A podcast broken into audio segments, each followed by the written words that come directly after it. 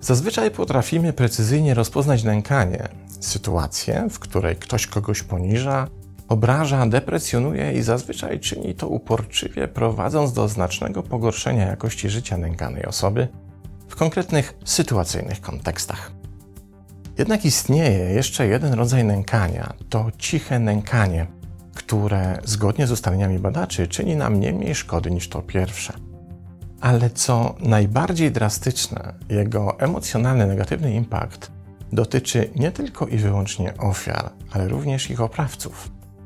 To tym bardziej groźne zjawisko, kiedy bierzemy w nim udział często jako jego świadkowie czy jako oprawcy i kompletnie nie zdajemy sobie z tego sprawy. Ten proces cichego nękania ma tak olbrzymi zakres oraz może przejawiać się w tak wielu obszarach naszego życia, że posłużymy się kilkoma przykładami, by go zobrazować. Oto zaglądamy na korytarz pewnej z firm, dokładnie w miejsce, w którym ustawiono wygodne pufy, by można się było na nich rozłożyć, popijając w przerwie kawę z pobliskiego ekspresu. Na tychże pufach właśnie rozsiadła się gromadka zgranej ekipy z pewnego działu i pijąc kawę dość głośno i radośnie ze sobą rozmawiają. W pewnym momencie dostrzegają ich koleżankę Angę zmierzającą do ekspresu. Kiedy przechodzi obok, ich rozmowy milkną. Pojawia się trochę sztuczna cisza, z której jedno wynika na pewno. Grupa niespecjalnie się kwapi, by Anka dołączyła do ich rozmowy. Teraz przenieśmy się na urodziny Stefana. Przy suto zastawionym stole zasiadła rodzina, w tym kilka ciotek stojących na straży przykładnego prowadzenia się wszechświata. Po drugiej stronie stołu siedzi dzieciak, jeden ze Stefanowych bratanków, którego rodzice są dość wyluzowani, co widać po aktualnej stylu dzieciaka. Ma on oto na głowie kolorowego irokeza, na ramieniu wykonany henną tymczasowy tatuaż z napisem Powiedzcie Piotrowi Opoce, że zbawienie się nie powiodło. To oczywiście bawi i rodziców, i małego religijnego buntownika, ale ciotki wydają się być raczej zgorszone tym widokiem, więc szepczą sobie na ucho i co rusz odwracają wzrok w stronę Irokeza, a z ich min wieje inkwizycją na 3 kilometry. Teraz przenosimy się do mieszkania Edka, który od lat pracuje w pewnym wydawnictwie jako młodszy redaktor. Ma tam szefową, Bogu miłe, piastującą funkcję starszego redaktora. Edek widuje swoją Nemezis spod Bukowa raz w miesiącu, bo generalnie pracuje zdalnie. Problem w tym, że kiedy wysyła do niej maile, i to w ważnych służbowych kwestiach, ta po prostu albo nie odpowiada, albo odpisuje po dwóch tygodniach, kiedy już po służbowym problemie nie ma śladu. A kiedy Edek już w firmie dopytuje o zaległe odpowiedzi, słyszę zazwyczaj: A tak, musiało mi wylecieć z głowy. Na koniec jeszcze tylko podglądniemy przez chwilę Antka, który jakoś nie może się przekonać do nowej dziewczyny swojego przyjaciela. Kiedy ta umieszcza na swoim profilu niezbyt korzystną fotę, na której widać, że bez makijażu nie wygląda najseksowniej, Antek oczywiście, w przeciwieństwie do innych, normalnych zdjęć, od razu ten post lajkuje. Nie dlatego, że mu się nagle spodobało, ale dlatego, żeby zwiększyć zasięg i by inni widzieli, jaki z niej pasztet. I co? To tyle chciałoby się powiedzieć? Też mi nękanie. Wiele hałasu o nic, a poza tym te niby ofiary często nawet nie są świadome tego, co się dzieje. Tak, to prawda. I za chwilę do tego dojdziemy. Ale najpierw przyjrzymy się wynikom badań naukowców z Uniwersytetu British Columbia z 2014 roku, którzy ustalili, że chociaż większość uważa ostracyzm za mniej szkodliwy niż zastraszanie, to poczucie wykluczenia znacznie częściej prowadzi do niezadowolenia z pracy, rezygnacji i problemów zdrowotnych. Profesor Sandra Robinson, współautorka badania, mówi wprost: Uczono nas, że ignorowanie kogoś jest społecznie lepsze.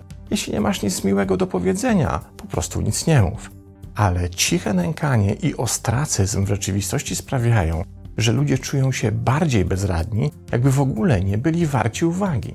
Co więcej, ofiara odkrywając takie działanie swojego środowiska skierowane przeciwko niej, a prędzej czy później większość ofiar dokonuje takiego odkrycia, płaci za to całym wachlarzem, negatywnych i destrukcyjnych reakcji emocjonalnych. Pojawiają się m.in. silne deprawatory poczucia własnej wartości i pewności siebie, ból towarzyszący poczuciu odrzucenia oraz w wielu przypadkach pogorszenie stanu zdrowia.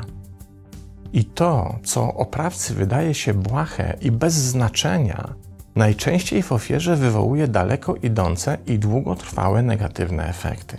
Pokażmy to na prostym przykładzie. Oto rozmawiasz z dwiema osobami, coś opowiadasz, i nagle w połowie Twojej wypowiedzi, kiedy nawet jeszcze nie udało Ci się wyłuszczyć istoty rzeczy, jedna z tych osób odwraca się do drugiej i jak gdyby nigdy nic, rozpoczyna nowy temat rozmowy, który od razu zostaje podjęty przez tę drugą osobę. Jak się poczujesz? Jak ulokujesz Twoją ocenę ważności w oczach tych dwóch osób? Jakiego spustoszenia w Twojej samoocenie dokona to wrażenie zignorowania? Jednym zaś z najczęstszych argumentów autorów cichego nękania, którzy dowiadują się o tym, w jak destrukcyjnym procederze uczestniczą, jest, na co zwraca uwagę psycholog Pamela Poison, to, że przecież wiele razy osoba, która jest tak traktowana, nawet o tym nie wie, nie widzi ani nie słyszy niczego, co się dzieje. Może nie jest nawet obecna, gdy dochodzi do cichego nękania, bo odbywa się to za jej plecami, nawet nie wie, ile osób jest zaangażowanych w bycie wrednym i krzywdzącym wobec niej. I ten właśnie argument sprawia, że takie traktowanie danej osoby nie jest uważane przez wielu ludzi za jakoś specjalnie szkodliwe. Dlatego z jednej strony wielu ludzi się tak zachowuje w stosunku do innych, a z drugiej strony świadkowie takich zachowań nie reagują, czym w milczący sposób udzielają na ciche nękanie przyzwolenia. Ale i tutaj naukowcy nie mają wątpliwości. Takie zachowanie prowadzi do stresu, niepokoju i depresji i przebija się przez, jak wskazuje brytyjska psychoterapeutka Helen Siroda z portalu Wise Goose, struktury naszego poczucia tożsamości, odsłaniając przed nami naszą wewnętrzną słabość. Co więcej, w ten sposób doświadczamy tak zwanych urazów narcystycznych, na które jesteśmy podatni wszyscy, a nie wyłącznie osoby o narcystycznych zaburzeniach osobowości, u których oczywiście takie zdarzenia przybierają najbardziej eksponowaną i widowiskową formę. Ale w przypadku większości nienarcystycznych ludzi, upokorzenia narcystyczne to wszystkie te rany, które nosimy w sobie po atakach na naszą samoocenę i mają to do siebie, że potrafią wewnątrz systemowo, nieproporcjonalnie eskalować, dosłownie, jak mówi Helen Siroda, zżerać nas od środka.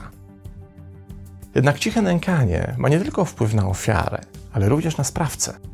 Kiedy bowiem ktoś wobec jakiejś osoby stosuje ukryte formy ostracyzmu czy ignorancji, na przykład nie odpowiada na maile, wyklucza ze spotkania, skreśla z listy gości i tym podobne, to jednocześnie buduje w sobie rodzaj negatywnego lub pogardliwego nastawienia do danej osoby. A ten proces na poziomie neuroplastyki mózgu przypomina niewinny zrazu strumyczek, który z czasem potrafi wyrzeźbić ślad w najtwardszej skale. I problem pojawia się wówczas, kiedy po pewnym czasie ten rzeźbiony cichcem ślad jest już tak wyraźny, że nie da się już go ukryć, bo zaczyna być widoczny na twarzy delikwenta czy delikwentki ilekroć w jego bezpośrednim lub kontekstowym otoczeniu pojawia się ofiara. A ponieważ z jednej strony twarz jest doskonałym i bezwiednym projektorem naszych emocji, a z drugiej strony większość ludzi to raczej kiepscy aktorzy, to ciche nękanie zaczyna być widoczne dla ofiary nawet wtedy, kiedy oprawca z całych sił usiłuje swoje nastawienie ukryć. To wszystkie te sytuacje, w których komuś nagle wyrywa się jakieś negatywne zdanie na Twój temat, za które Cię potem przeprasza, ale mleko się już rozlało. To te sytuacje, w których ktoś na Twój widok rzuca negatywny komentarz i kompletnie nie zauważa tego, że ten komentarz jednak został wypowiedziany na tyle głośno, że go usłyszałeś czy usłyszałaś. Czy to wreszcie te sytuacje, w których dostrzegasz, jak na Twój widok na czyjejś twarzy zaczyna się malować obojętność, niechęć czy nawet wrogość. Wówczas cisi nękający zaczynają wychodzić z ukrycia, bo nie są w stanie już przez cały czas panować nad swoim nastawieniem. Takie relacje w pracy, w domu, w szkole zaczynają przeradzać się w koszmar, bo negatywna energia, która za nimi stoi, zaczyna działać jak obosieczny miecz. Rani ofiarę i jednocześnie odbiera energię sprawcy, często zostawiając go z poczuciem wstydu, zażenowania i złością na samego siebie. Między innymi dlatego tak ważne jest, by uwrażliwić się na tego typu zachowania i dławić je w zarodku, zarówno kiedy odkryjemy je u samych siebie, robiąc na przykład solidny rachunek sumienia naszych zachowań wobec innych, szczególnie tych, na których nam najmniej zależy, bo to ich przede wszystkim najbardziej dotyka prawdopodobieństwo naszego cichego nękania. Ale również wtedy, kiedy takich zachowań innych jesteśmy świadkami.